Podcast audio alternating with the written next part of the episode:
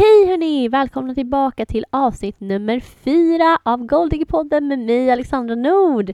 I dagens avsnitt så kommer jag prata om hälsa och träning och hur hittar man den perfekta balansen. Hur jag slutade tänka på vad jag äter och hur mycket jag tränar och det var först då som jag faktiskt nådde mina hälso och träningsmål. Jag kommer också prata om hur jag ser på hela den här coronasituationen och vaccin och hur jag ser på världen och samhället och vad som händer just nu. Ja, det här och mycket, mycket mer jag pratar om i dagens avsnitt.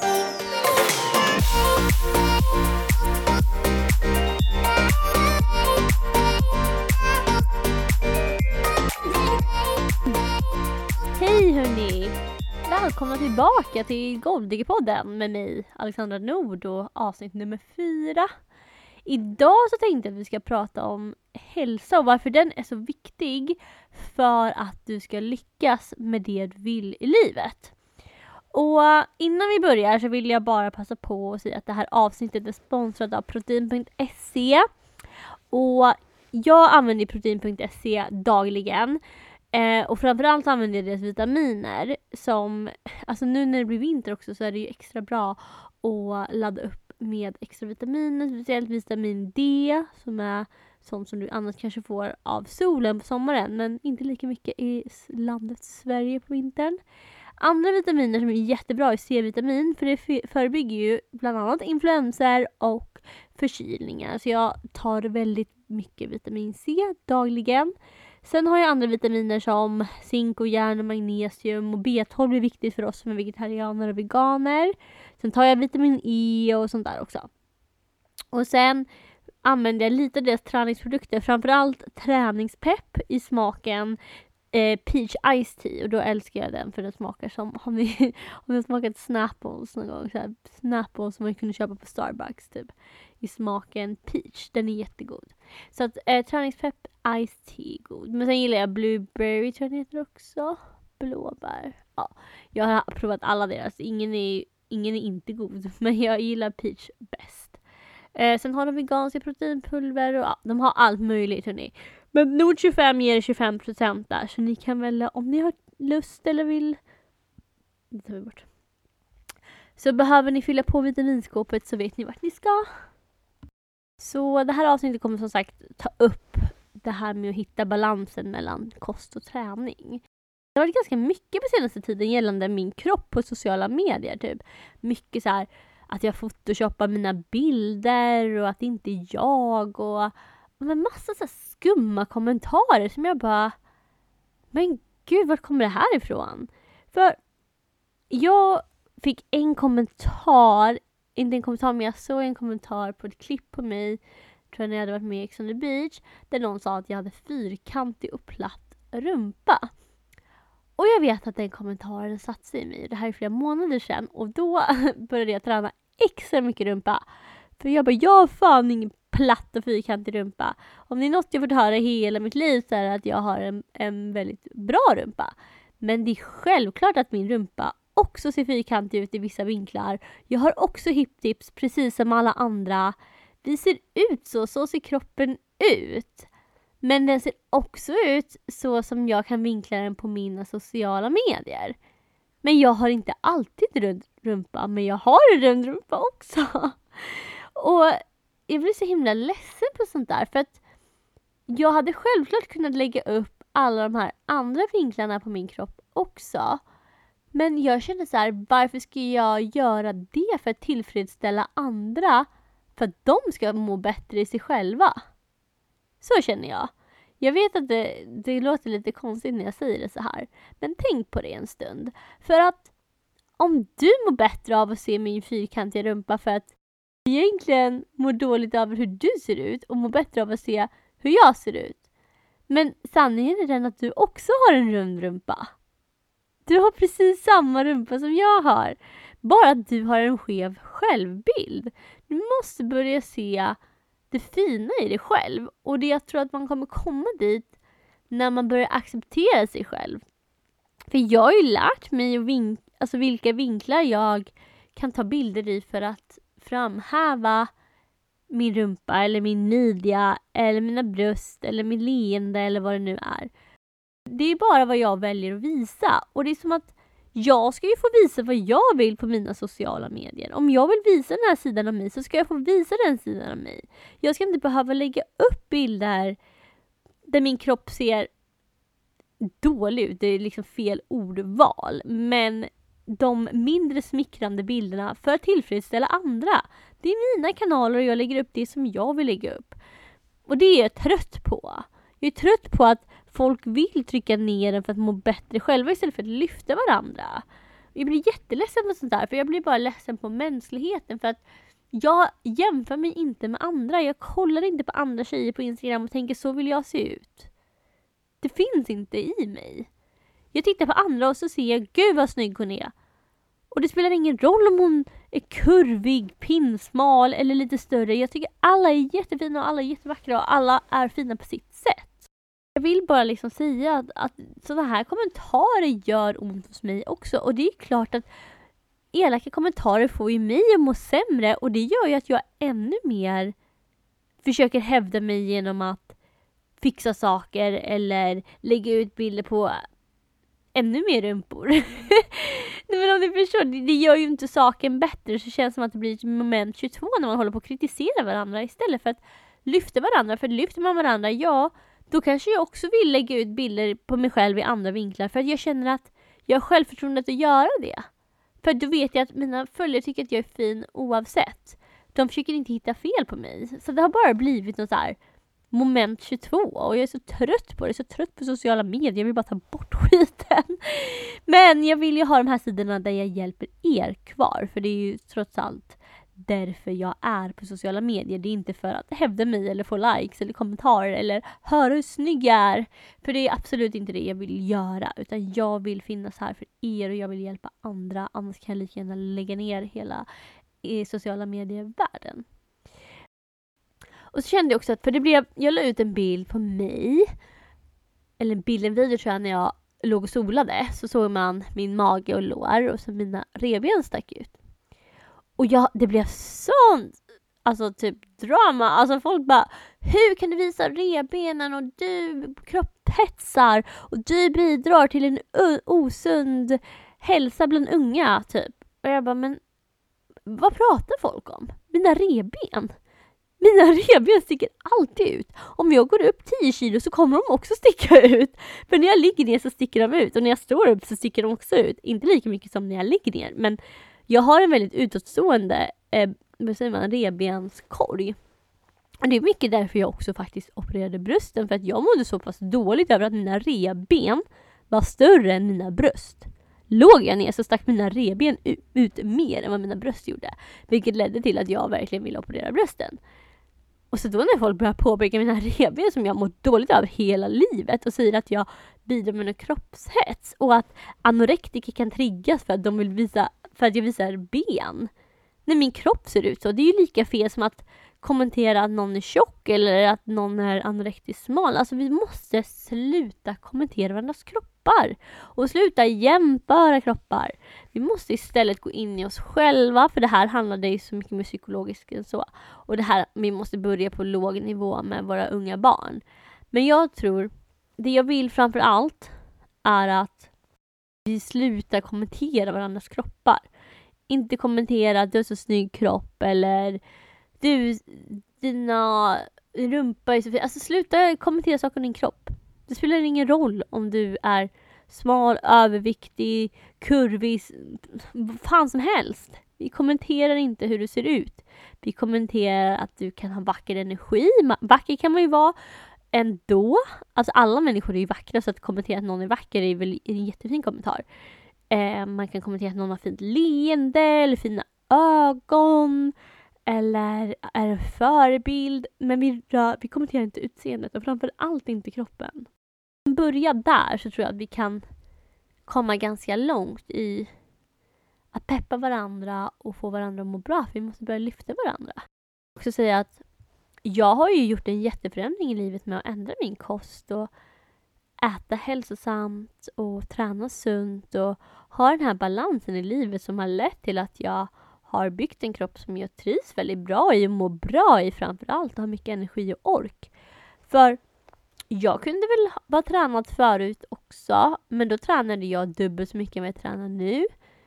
Jag åt dock inte lika hälsosamt. Jag trodde att jag var hälsosam, men jag kunde garanterat dricka alkohol en, två gånger i veckan. Jag kunde säkert äta chips eller godis en, gång, en, två gånger i veckan.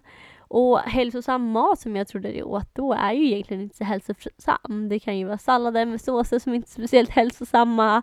Och det kunde nog vara, jag åt ju kött förr, vilket inte hjälpte min matsmältning speciellt mycket. Och jag åt saker som jag är väldigt känslig mot gluten, så jag åt ganska mycket gluten, så jag, hade, jag var konstant svullen. men det var mycket saker jag gjorde förut som som gjorde att jag alltid fick kämpa med vikten och jag var aldrig nöjd med min kropp. Och jag var så fokuserad på vad jag åt och hur mycket jag tränade att det tog upp all min energi. Dagarna gick liksom ut på vad jag inte fick äta och hur mycket jag var tvungen att träna. Istället för att inte ens lägga energi på det som jag gör idag. Och, och om jag inte tränade och åt hälsosamt så skulle jag garanterat gå upp 10 kilo. Och så det, för mig är det här ingenting som kommer liksom, det är inget, vad säger man, vissa skyller på att man är naturligt överviktig för det är arvsmassa typ. Om man ska skylla på sådana saker så är jag också i så fall naturligt överviktig för att jag går gärna upp. Om jag inte skulle leva som jag gör idag kommer jag garanterat gå upp 10 kilo typ och vara lite rund. För att det är så min kropp vill vara eller gå till. Vilket inte är hälsosamt för jag ser ju svullen ut. Det är inte, alltså, jag mår ju inte bra. Och det är det, alltså jag tror att den här känslan av att inte vara trygg i sin kropp eller känna sig obekväm, det är ju en känsla. Det är ju inte kroppen i sig. Och jag tror att det är den känslan som för mig har försvunnit när jag lever och äter på ett sätt där jag mår bra. För jag bara mår bra i allt. Jag mår bra i psyket, jag mår bra i energin, jag mår bra i kroppen och det speglar sig på kroppen. Så det är det jag menar med den här balansen. Och tänk vad mycket energi man får över till annat när man slutar lägga energi på vad man ska äta och träna. Vad har för förändringar då? Jo, men framförallt så började jag väl med att sätta mig ner och skriva mål och skriva ner liksom vad vill jag med min hälsa? Jag vill kanske leva länge, jag vill vara frisk, jag vill må bra, jag vill ha energi och ork och en kropp som jag trivs i. Sen så vill jag inte tänka på vad jag äter eller hur mycket jag tränar eftersom jag brukade vara besatt av det. Det brukar ta alldeles för mycket av min energi som man kan lägga på andra vettiga saker. Så jag började med att ändra min kost och äter så växtbaserat jag bara kan. Jag äter halloumi och fetaost ibland. Men jag tar inga mejeriprodukter alls. Jag byter ut allt till havrebaserat. Jag försöker att också att göra det mesta jag kan själv. Så cashewmjölk är jättelätt att göra, till exempel havremjölk är också lätt att göra själv hemma. Och när jag köper grejer så tittar jag alltid på innehållsförteckningen och så brukar jag tänka så här, om det är inte mer än fem ämnen i och de ämnena ska vara naturliga, det ska vara grejer som jag själv skulle kunna ha hemma i skåpet. Så det ska inte vara något så här E 0,85 för det är ju inte ett ämne som är naturligt, det är ju ett ämne som är framtaget i ett laboratorium. Så de ämnena försöker jag att undvika att köpa. Eh, så, så, så naturligt som möjligt äter jag. Sen har jag ändrat mina morgonrutiner, så jag försöker gå upp tidigare på morgonen. Jag försöker få, i, få träna på morgonen direkt så man har det avklarat så man inte behöver fundera på det på resten av dagen. Ehm, jag försöker också att låta bli sociala medier fram till typ lunch, men i alla fall de första timmarna på morgonen. Det är så skönt att bara ägna den tiden till sig själv. Och sen försöker jag mycket planera mat. Så när jag lagar lunch, eller middag på kvällen så ser jag till så att det blir över till lunch nästa dag så jag inte behöver tänka på lunch. Um, och då tänker jag aldrig, för jag vet att allt jag äter är hälsosamt. Så jag behöver aldrig tänka på vad jag äter. Och har jag inte tid att äta så har jag kommit på smarta lösningar på mat som går snabbt att göra, som fortfarande är hälsosam. Och är jag ute på stan sånt så äter jag oftast bara en sallad. Eh, för jag älskar ju sallad så att jag tycker det är gott. och jag tror det är det, man måste, det här börjar i ditt huvud. Det, det är mentalt, alltihop är mentalt. Du måste vara helt hundra på eh, vad det är du vill få ut av det här och du måste vara beredd att göra det för är du inte beredd då kommer du hela tiden tycka synd om dig själv och tycka att du offrar saker som Åh, men nu får jag inte äta godis eller nu får jag inte äta pizza. Om du tycker att det är jobbigt så eh, är du fel i, i ditt tankesätt. För för mig handlar det om att jag vill inte ha pizza, jag vill inte ha godis, jag vill inte ha den här skiten. För det är bara skit och jag mår skitdåligt av det. Jag åt typ lite godis häromdagen. Jag tror det var någon så här chokladbit eller något. Och fy fan vad illa jag mådde. Jag har inte ätit socker på så länge. Och jag bara kände typ hur jag ville spy. Jag blev helt trött. Började typ svettas, gick och lägga mig i sängen och sova en tupplur. Och jag bara insåg vilken drog socker är. Det var som att jag skulle ta, druckit liksom ett glas vin. Och jag bara, åh herregud, det här är ingenting som jag behöver i mitt liv. Min ämnesomsättning har blivit så bra sen jag slutade med socker och alkohol och äter så naturligt som möjligt. Jag är inte sjuk längre och jag har så mycket energi och bli kreativ och är taggad på livet. Och, ja, mitt liv har verkligen förändrats. Men sen har jag också satt mål med min träning för att man kan ju ändra kosten. Man måste inte känna att man vill ha magrutor eller tränad rumpa eller någonting. Men det kan ju vara någonting som, jag tycker det är kul med träning och så, så jag sätter ju gärna upp träningsmål för att jag tycker det är kul och jag tycker det är kul med resultat och så. Så då kan jag sätta upp så här, ja men i september ska jag träna rumpan eller oktober är fokus på magen. Jag blandar ju träningen hela månaderna men jag kan ha lite extra fokus på en kroppsdel bara för att jag tycker att det är kul. Um, men sen kan jag ha månader när jag har mycket att göra så då bara får träningen ske naturligt och det är oftast på morgonen jag går ut en promenad eller går ut och springer så kanske jag avslutar passet med lite övningar för att bygga styrka i kroppen. Det är liksom det jag gör. Jag har inte så gymkort. Jag får se om jag ska skaffa ett gymkort nu till vintern bara för att jag tycker att det kan vara kul och bygga lite muskler igen. Alltså jag har ju byggt muskler med mina träningsband och så hemma men det kan vara kul att, att vara på gymmet också. Men vi får se. Jag trivs ganska bra med att träna hemma i trädgården eller på stranden eller ute i skogen. Jag tränar lite här och var helt enkelt. Men sen sätter jag också mål på livet och vad jag vill med livet och vad det är jag vill egentligen. För det är ju så skönt när jag får undan då, när jag fått undan mat och träningsdelen och den inte längre ligger över mig och stressar mig så har jag fått så mycket tankar och tid över att tänka på annat så som vad vill jag i livet. Och då, jag har ju gjort lite Youtube-videos om det här som ni jättegärna får titta mer om. Det kommer komma mer om det här på min Youtube-kanal. Så att prenumerera gärna på den. Så jag kommer inte gå in i det idag för jag tänkte att det här avsnittet ska fokusera mer på träning och hälsa. Jag vill också säga så här att den dagen du slutar tänka på vad du äter är också den dagen du kommer få din drömkropp. För att när du slutar tänka på vad du äter och hur mycket du tränar då kommer du automatiskt bara börja acceptera din kropp och börja tycka om dig själv. Och sen så kommer träningen och kosten komma naturligt. Och vet du vad? När du inte ligger, tänker på det, då kommer det bara komma där. Det var som med mig. Jag bara slutade fokusera på allt jag hatade med mig själv och att jag inte var, såg ut som jag ville. Och sen en dag så såg jag bara ut som jag ville. Och jag vet inte om jag har förändrat någonting eller om det bara är mitt synsätt som har förändrats. Men just nu ska jag säga att jag är jättenöjd med mig själv även om jag går upp några kilon eller ner några kilon. För jag vet att jag kan alltid gå ner kilon om jag vill. Men sen vet jag också att jag kommer aldrig gå upp dit jag har varit en gång för att jag äter inte och jag lever inte som jag gjorde då. Jag lever ett helt annat liv som jag mår så bra i. För jag vet att allt jag äter ger mig energi, gör mig frisk, ger mig ork och gör mig stark. Sen tycker jag att alla borde radera ordet diet från sin ordbok. Diet borde inte få finnas. Vad fan är en diet? Varför ska man gå på en diet för att bli av med några kilon som man sen kommer gå upp igen direkt när man har gått ner dem?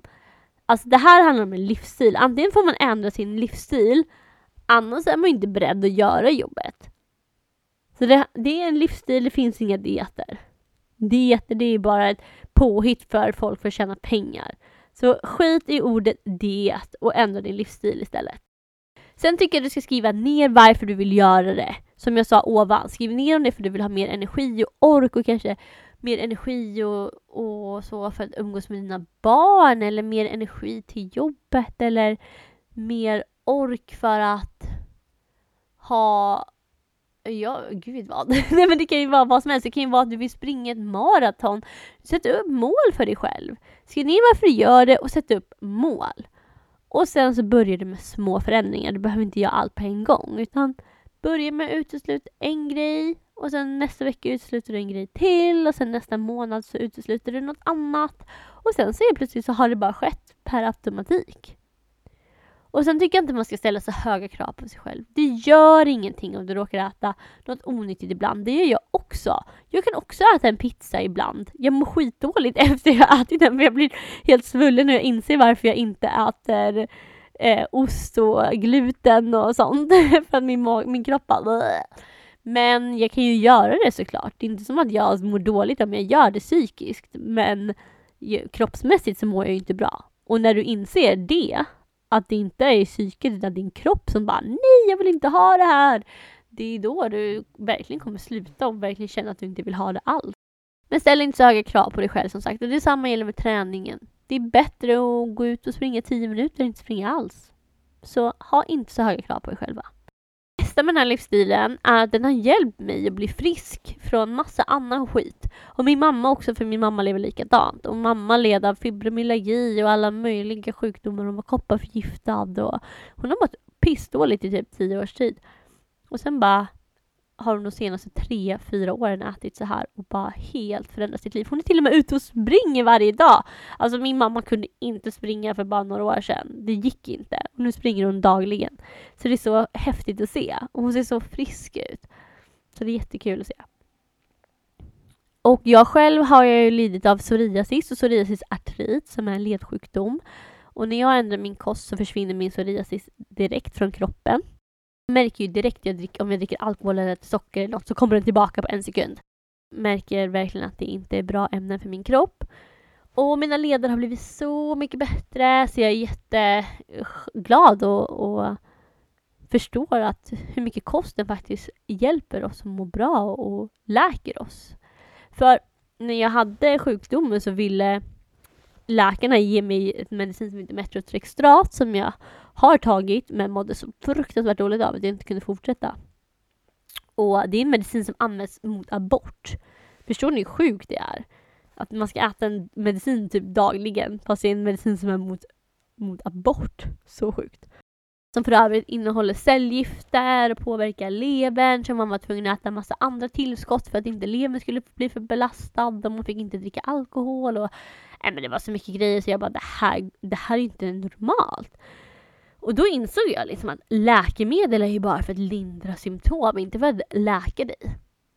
Och jag insåg att mat och rätt mat läker dig. Så vad, vad ska det vara? Vill man äta rätt mat eller vill man äta läkemedel? Ja, jag kommer ta det förstnämnda i alla fall. I vintras, efter jag hade varit i LA, då hade jag inte levt riktigt som jag har pratat om nu. Det har jag gjort det senaste halvåret. Men innan, och jag tror att det var lite det här som gjorde att jag verkligen tog tag i hälsan också. För att efter jag kom hem från LA så fick jag påssjukan. Påssjukan är ju en sjukdom som man vaccineras mot som barn, som jag är vaccinerad mot, men fick ändå.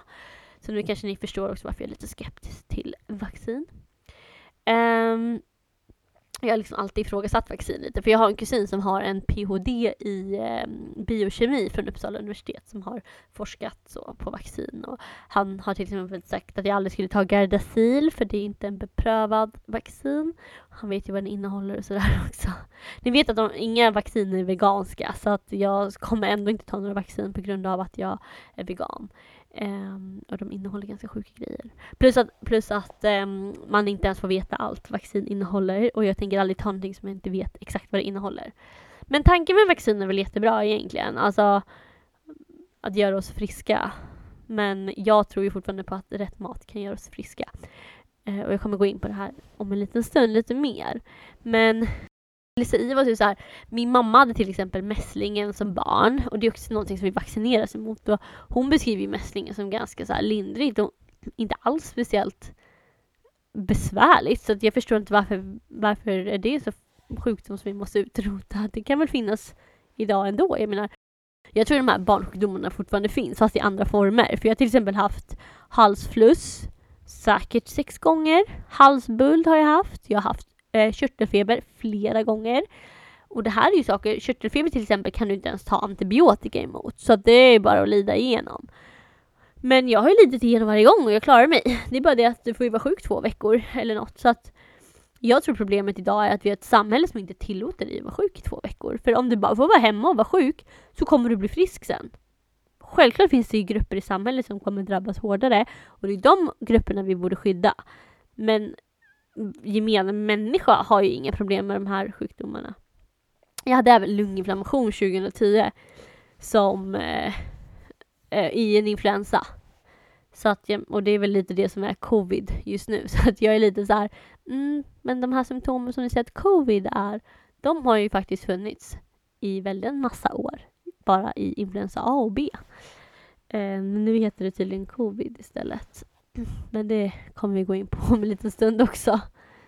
Men absolut så kan man ju ha bättre rutiner på sjukhus och äldreboenden och med sjuka och sånt. Men jag ville bara att jag ville bara tillägga sen jag blev vegan och började äta växtbaserat. Detsamma gäller för min mamma som är vegan och har ätit växtbaserat i fem års tid. Så uh, är vi aldrig sjuka. Alltså jag är knappt förkyld. Dock så gick jag igenom en operation ganska nyligen. Jag kommer prata om det här lite senare. Inte idag, men en annan dag. Men i alla fall, då fick jag antibiotika för att motverka infektionen. Eh, och direkt så kom min psoriasis tillbaka.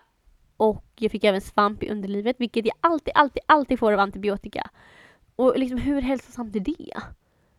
Och det är det jag känner att den här medicinen, alltså, den gör mer onytta än nytta. Absolut, alltså. Det är väl klart att i vissa fall när du är jättesjuk så kanske medicinen hjälper. Men, eller inte hjälper, men den kan ju lindra saker. Och smärtstillande efter en operation kan ju vara väldigt eh, hjälpsamt faktiskt. Så jag säger inte att det, jag är anti allt, men jag bara ifrågasätter saker. Och det måste få vara okej att ifrågasätta saker. Jag säger inte att det är, ena är rätt eller fel, jag bara ifrågasätter vissa saker. För att för mig känns det, så, äh, känns det ju naturligt att äta så naturligt och rent som möjligt. Sen så älskar jag ju till exempel läkare och doktorer som genomför operationer vid brutna ben eller försvagade hjärtan eller det är sådana saker. Sådana operationer är ju jättebra. Och det är jag all for. Men det är just den här medicineringen jag ifrågasätter. Som jag nämnde förut så är ju liksom 51% av Sveriges befolkning överviktig. Och det belastar ju sjukvården något enormt. Men också komma ihåg att läkemedelsindustrin och matindustrin, ofta samma ägare, men de här tjänar ju miljarder på sjuka människor. Alltså det är ju så absurt. Och visste ni att man inte får patentera naturliga ämnen och mat? Alltså, så det finns ju ingen miljardindustri för naturlig mat, för det får man ju inte äga. Så det finns ju ingen person som kan sitta och äga all, alla tomater i hela världen till exempel. Då genmanipulerar maten med så kallad GMO. Då manipulerar man ju DNA i den naturliga växten och skapar sin egen variant som inte är naturlig och då får man ju patentera den. Så därför är ju väldigt mycket mat idag alltså genmodifierad för att folk ska få patentera den. Medan jag brukar tänka så här, men vi är skapta av naturen för att vi ska äta saker i naturen och leva i naturen. Känns inte det mer naturligt än att äta något som är genmanipulerat eller ett ämne som är framtaget i laboratorium? För mig känns inte det naturligt och det är ingenting jag vill ha i min kropp i alla fall. Och som jag sa tidigare, jag märker ju till exempel hur socker eller alkohol eller gluten och sånt påverkar hur jag mår i kroppen. Det säger ganska mycket. Så jag, jag hade velat typ att alla bara testade att under, ge det ett halvår i alla fall, för du behöver några månader att rensa kroppen. Att testa att gå, prova en vegansk växtbaserad kost.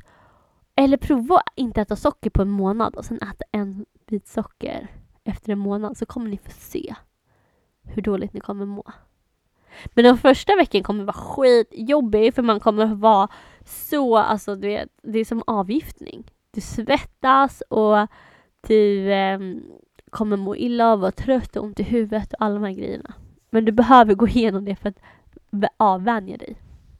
Vi vet ju att alkohol och tobak är skadligt och ändå så använder vi det.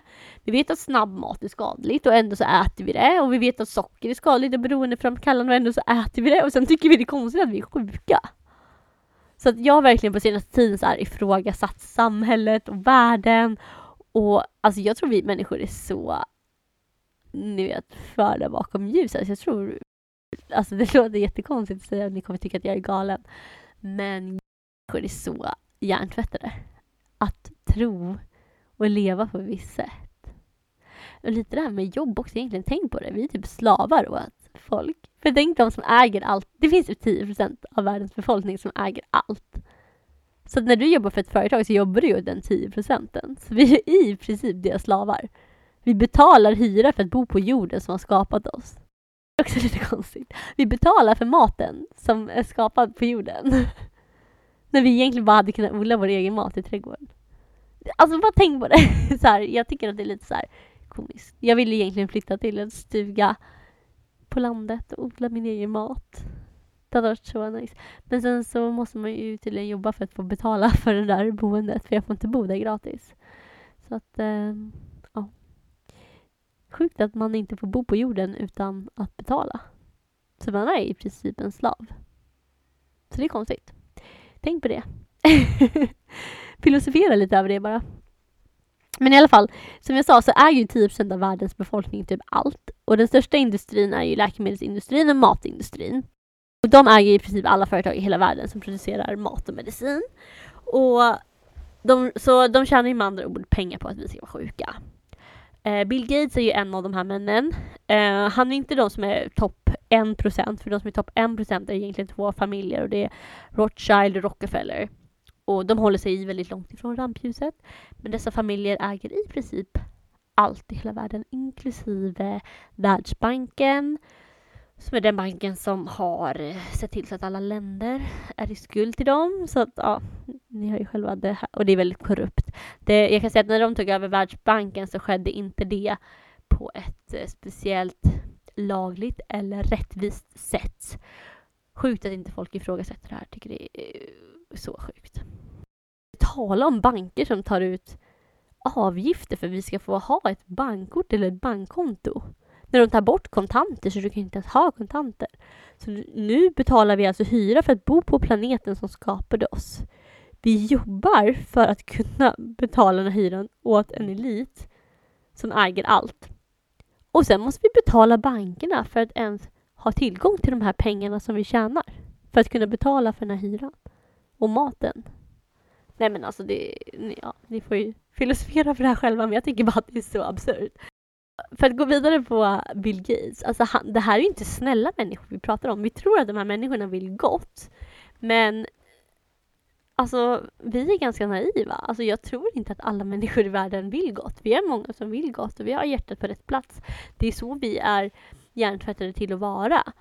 Um, för om vi inte om vi började ifrågasätta saker så skulle vi ju aldrig acceptera att världen styrs och ägs av den här en procenten. Den här en procenten har ju makt över alla regeringar, mainstream media för att inte tala om. Och ni vet att tele television är ju tell a vision. Så att det, de, de talar ju om en vision. De skapar en vision och program är program.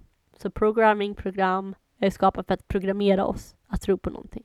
Så tänk på det nästa gång ni kollar på TV. Jag tänker så här, jag har gett den här uppgiften till mina följare på sociala medier. Men prova, prova, prova att inte kolla på några nyheter på typ en vecka eller något. En, ja, en vecka. Och sen när ni tittar på nyheterna, ni kommer inse hur jäkla manipulerat det är. Och sen så kan ni börja, börja hämta lite egen fakta och läsa på om någonting så kommer ni inse att wow, vad media vinklar saker. Det, alltså det är så korrupt så att... Men det där kommer jag ta upp i ett annat avsnitt. Jag har inte tid med det idag. Men då för att gå, in, gå tillbaka till Bill Gates så um, tror man ju kanske att han blev miljardär på det här Microsoft. Men det var faktiskt först när han klev in i läkemedelsbranschen som han började tjäna miljarder. Och Bill, som många tror så här, oh jag skapade min dator i, eller det här programmet i mitt garage. Bullshit, han kommer från en rik familj, gick på en jättebra skola. Eh, hans pappa var också väldigt korrupt. Eh, och sen köpte han faktiskt Microsoft av en annan utvecklare. Så att det hette inte Microsoft då utan han skapade Microsoft och den här mjukvaran. Eh, men han köpte upp allting så det är inte han själv som har skapat det utan han köpte det från en annan person. Tillsammans med en partner som han för övrigt blåste. Hans partner fick cancer och var döende i cancer. Och då såg han till att köpa ut den här döende partnern från alla hans andelar. Eh, som tur var så blev han frisk från cancer och talade väldigt öppet om hur eh, Bill Gates blåste honom. Eh, när han var döende. Vilket är fruktansvärt. Alltså det här är, alltså, fru, alltså det är så hemskt att jag har inga ord för det. Och det här är en människa folk tror vill rädda världen. Om han kan blåsa sin egen partner när han dör i cancer, tror ni på riktigt att han vill rädda jordens befolkning med sina vaccin? Mm, tror inte det. Men det här var min åsikt, vill bara tillägga det. Det här är bara vad jag tycker. Men jag ska försöka, jag kommer länka massa fakta här också så ni själva kan läsa på om det här. Men den här partnern i alla fall, han pratar väldigt öppet om det här så att det finns lättillgängligt på nätet. Men då Bill Gates som talar väldigt öppet om hur han vill minska befolkningen på jorden, vilket han har gjort de senaste 20 åren. Alltså på 90-talet, för att inte tala om hur mycket han pratar om att vi måste minska befolkningen på jorden. Och så kommer han med sina vaccin, som för övrigt dödar mer människor än vad de gör nytta. Eh, och så säger folk, att ah, men han skänkte all sin förmögenhet till välgörenhet. Ja, han skänkte sin förmögenhet till sin egen välgörenhet. B vet det? Eh, Melinda och Gates Foundation. och sen har han väl The Gates Foundation också. Han har massa olika välgörenhetsorganisationer som han skänkte sin egen förmögenhet till. Så att ja, så mycket för att skänka bort de pengarna. Eh, och de här organisationerna då, som han skänkte sina egna förmögenheter till, det är ju de som då finansierar. Bland annat så eh, skänkte han 500 miljoner dollar från The Gates Foundation till Wuhan universitet och laboratorium då 2008. Jag länkar allting här nere för det står väldigt öppet på Gates Foundations hemsida. Men alltså Wuhan är ju den staden som corona uppstod ifrån. Är det ett sammanträffande eller? Eller tror ni fortfarande att det var en fladdermus som bajsade? Eller vad gjorde den här fladdermusen? Någon åt en fladdermö. fladdermus. Alltså, det är så, alltså jag skrattar men det är så patetiskt som folk tror på det på riktigt. Det är inget sammanträffande att Bill Gates har investerat i Luhan, Luhan i Wuhan eh, laboratoriet. Det är där det här influensan kommer ifrån. Nu har han vaccin på det också. Och just det, Sverige skulle köpa in vaccin från eh, AstraZeneca som är framtaget i Oxford.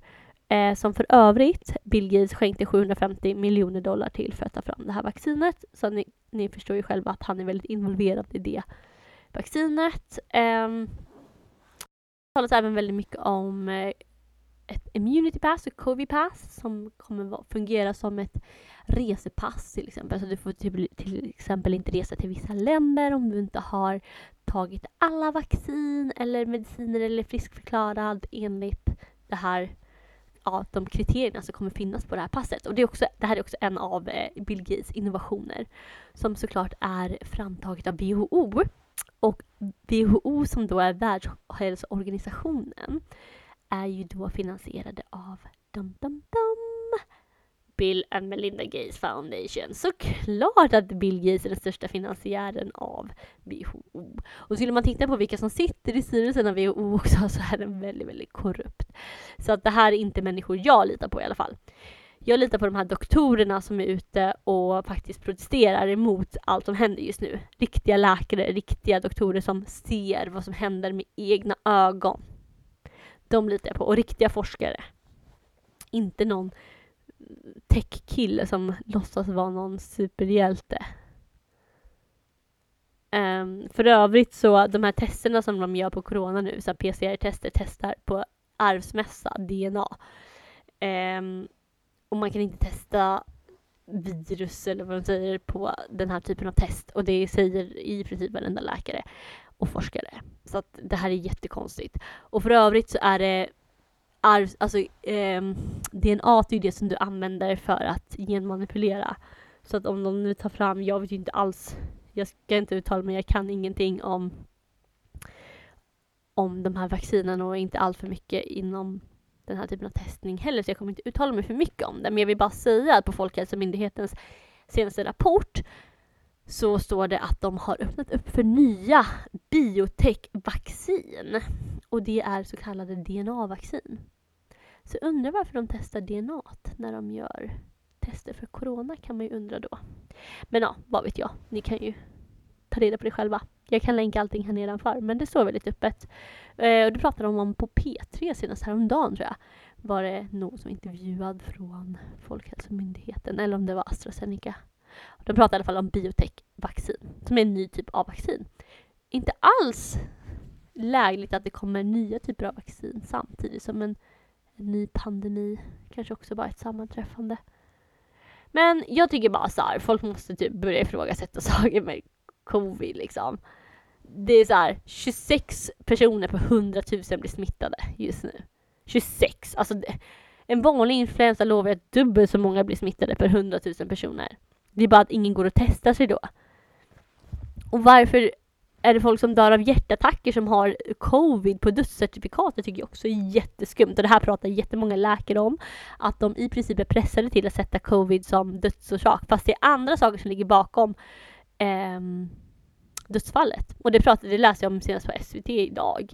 Nu vill jag inte läsa sådana här kommersiella propagandamedier, men när till och med SVT skriver om det så kan man ju faktiskt börja undra om de, det inte finns en poäng i det som sägs.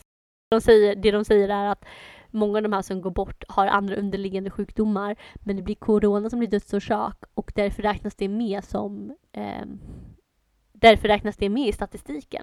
Så därför blir statistiken större än vad den egentligen är. Och så här, det här gäller alla länder. Och jag har hört så många sådana här fall om det. Och många läkare som uttrycker det. Och det är klart som fasen att det kommer se ut som att jättemånga går bort i covid när det egentligen är någonting helt annat de går bort i. Så att återigen, ifrågasätta agendan, the narrative, varför händer det som händer?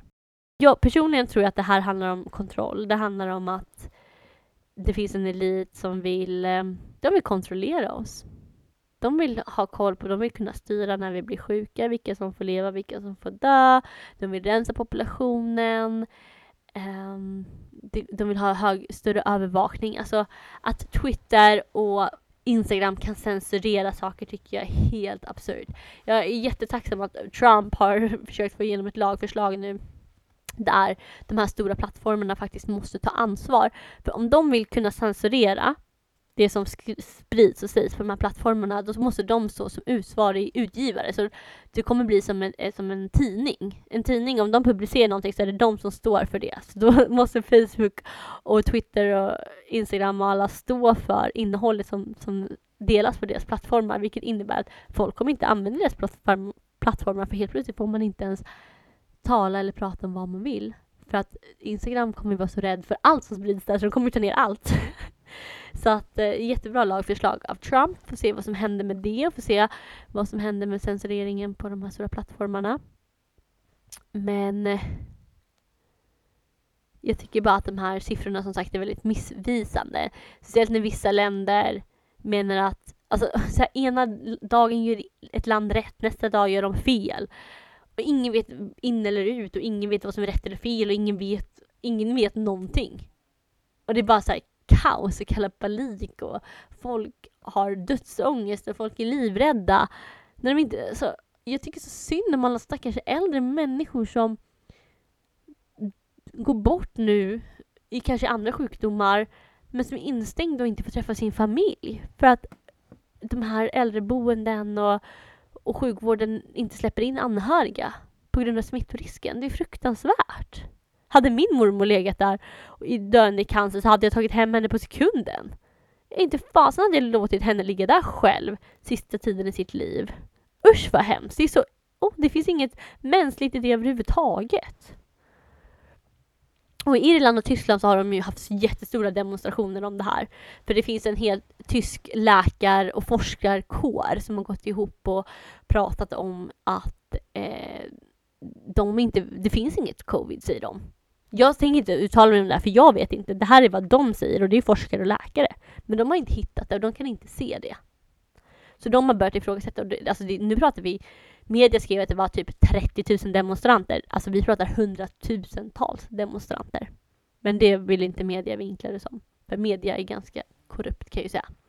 För övrigt ägs all media i världen av samma typ fem olika ägare så att ni, ni förstår ju själva att det är ganska styrt.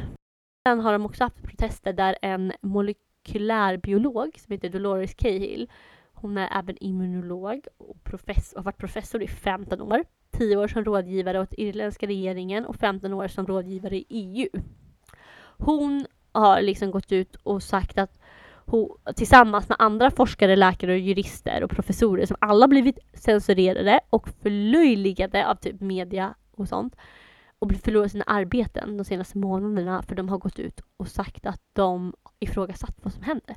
De har ifrågasatt pandemin, corona, botemedel, allting.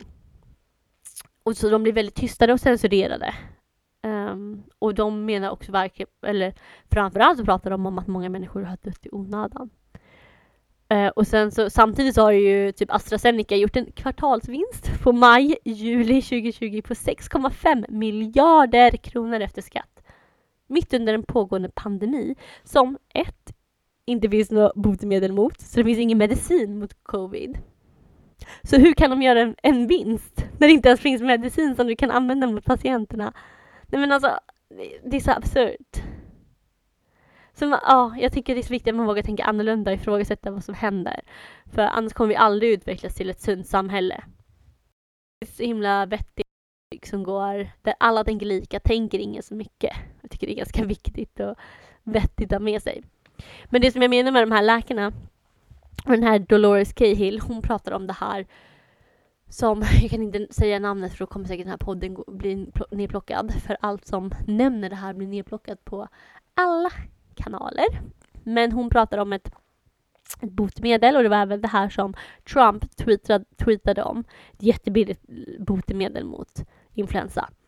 Som för övrigt blev bannat ungefär samma tid som eh, covid uppenbarade sig. Eller inte bannat, men det blev bortplockat. Nu är det tydligen bannat, men det blev bortplockat. Så det, det finns många läkare som pratar om att när de försökte få tag på det så var det helt plötsligt borta. Um, och Trump tweetade om det här. Och ni må tycka, jag kommer att prata om Trump i ett helt annat avsnitt, för att han är helt feltolkad i Sverige. Han är en väldigt vettig person för övrigt. Han eh, har väldigt nära vän till familjen Kennedy och JFK Kay ansågs ju av många, speciellt i USA, vara en av USAs bästa presidenter. Så att, um, jag har mycket på Trump som jag vill prata om i ett annat avsnitt. Men han tweetade ju om, om det här botemedlet. Och hur dum ni än må tycka Trump är, men det finns ingen president i hela, inte ens en idiot hade tweetat en sån grej. Ni måste ju förstå att Trump sitter inte på sitt Twitter själv. Trump har en hel kommunikationsstab och ett helt kommunikationsteam bakom sig. Så varenda tweet han tweetar är väldigt, väldigt, väldigt genomtänkt. Och när han tweetade det här så är det klart som fasen att han vet mer än vad vi vet. Och det säger ganska mycket när Twitter då plockar ner hans tweet. Så ifrågasätt återigen the narrative. Ja, det jag pratat om idag är liksom att 10% äger i princip allt i hela världen och 1% äger i princip exakt allt. Och de äger ju då WHO och läkemedelsindustrin. Och vilka är det som tjänar pengar just nu? Så follow the money people. Jag kommer länka allting som jag pratat om och alla mina källor och sånt här nere så ni själva kan ta reda på information och bilder egen uppfattning och som sagt, jag har inte sagt att det ena är rätt eller fel eller att det är si eller så eller att man inte ska ta vaccin utan bara ifrågasätt saker. Vill du ta vaccin så ska du ta vaccin. Alla ska få göra det de vill, men jag tänker aldrig acceptera att det blir tvång och lagar på saker och ting. Låt mig ha min frihet. Låt mig göra vad jag vill. Om du vill ta vaccin så är du skyddad mot allt, så då behöver du inte oroa dig för mig ändå. Och det här med munskydd, och jag vill inte ens gå in på det. Det finns så mycket forskning som visar på att munskydd är skadligt. Och jag har varit ute i Europa och var ute och rest i Spanien och jag som jag säger, jag äter väldigt hälsosamt. Men första gången jag började känna mig förkyld och började känna mig snorig ont i halsen var när jag blev tvungen att ha munskydd på flyg. Munskydd på flyg. För övrigt, du sitter bredvid folk överallt, så bli, kommer jag bli smittad så kommer jag bli smittad ändå, med eller utan munskydd. Jag fick för övrigt ta av mig munskyddet när jag skulle äta, så it makes no fucking sense. Och detsamma gäller så här, de tejpar stolar så man får sitta på varannan stol på flygplatsen när du väntar på att gå på planet. Men på planet sitter du ju bredvid varandra. Makes no sense to me either. Men alltså det, det, det är så skumt. Det är så konstigt. Och det är samma typ, i restauranger på Ibiza så måste du ha munskydd när du går mellan borden eller går till toaletten. Fast sen på toan tar du ju av den när du går på toa. Och jag menar, jag kommer ju smitta lika mycket där ändå. Jag tar ju på pappershandtaget och i pappret. Nej men alltså. Och när man betalar i butiken. Då betalar jag med, nej men alltså det, det finns så mycket i det här som jag bara, det makes no fucking sense. Och munskydd för övrigt. Eh, finns så mycket forskning som säger att det inte skyddar överhuvudtaget och egentligen gör mer skada än nytta. Men som sagt, jag länkar alla mina källor och allting här nedanför. Och uh, återigen, jag vill att alla ska bilda sin egen uppfattning. Jag vill inte säga till någon hur det ligger till eller vad som är sant eller falskt. Men jag vill bara att folk ska börja ifrågasätta saker. Och inte, som jag sa, där alla tänker lika, tänker ingen så jäkla mycket. Så med det sagt så vill jag bara säga tusen tack för att ni har lyssnat. Kom ihåg att följa mig på sociala medier, lämna jättegärna en positiv review så jag kan nå ut till mer människor. Kom ihåg att min rabattkod NORD25 ger 25% på protein.se. Och sen kom ihåg, skriv ner era träningsmål och era hälsomål. Vad vill ni? Hur vill ni känna? Skriv en dagbok. Skriv så här vill jag må imorgon. Jag vill gå upp klockan 06 och jag vill träna och jag vill äta hälsosamt. Jag vill känna att jag får mycket gjort på dagen och att jag mår bra energi. Skriv ner hur ni vill må och sen uppfyller ni det. Kom också ihåg att kolla på min Youtube, där har jag mycket mer tips och råd på ja, hur du kan sätta upp mål och hur du ska tänka och vision boards och hur du tar tag i livet helt enkelt. Och det kommer komma massa nya Youtubes framöver också. Så fram till dess hörni, ha, ta hand om er. Puss puss, hejdå!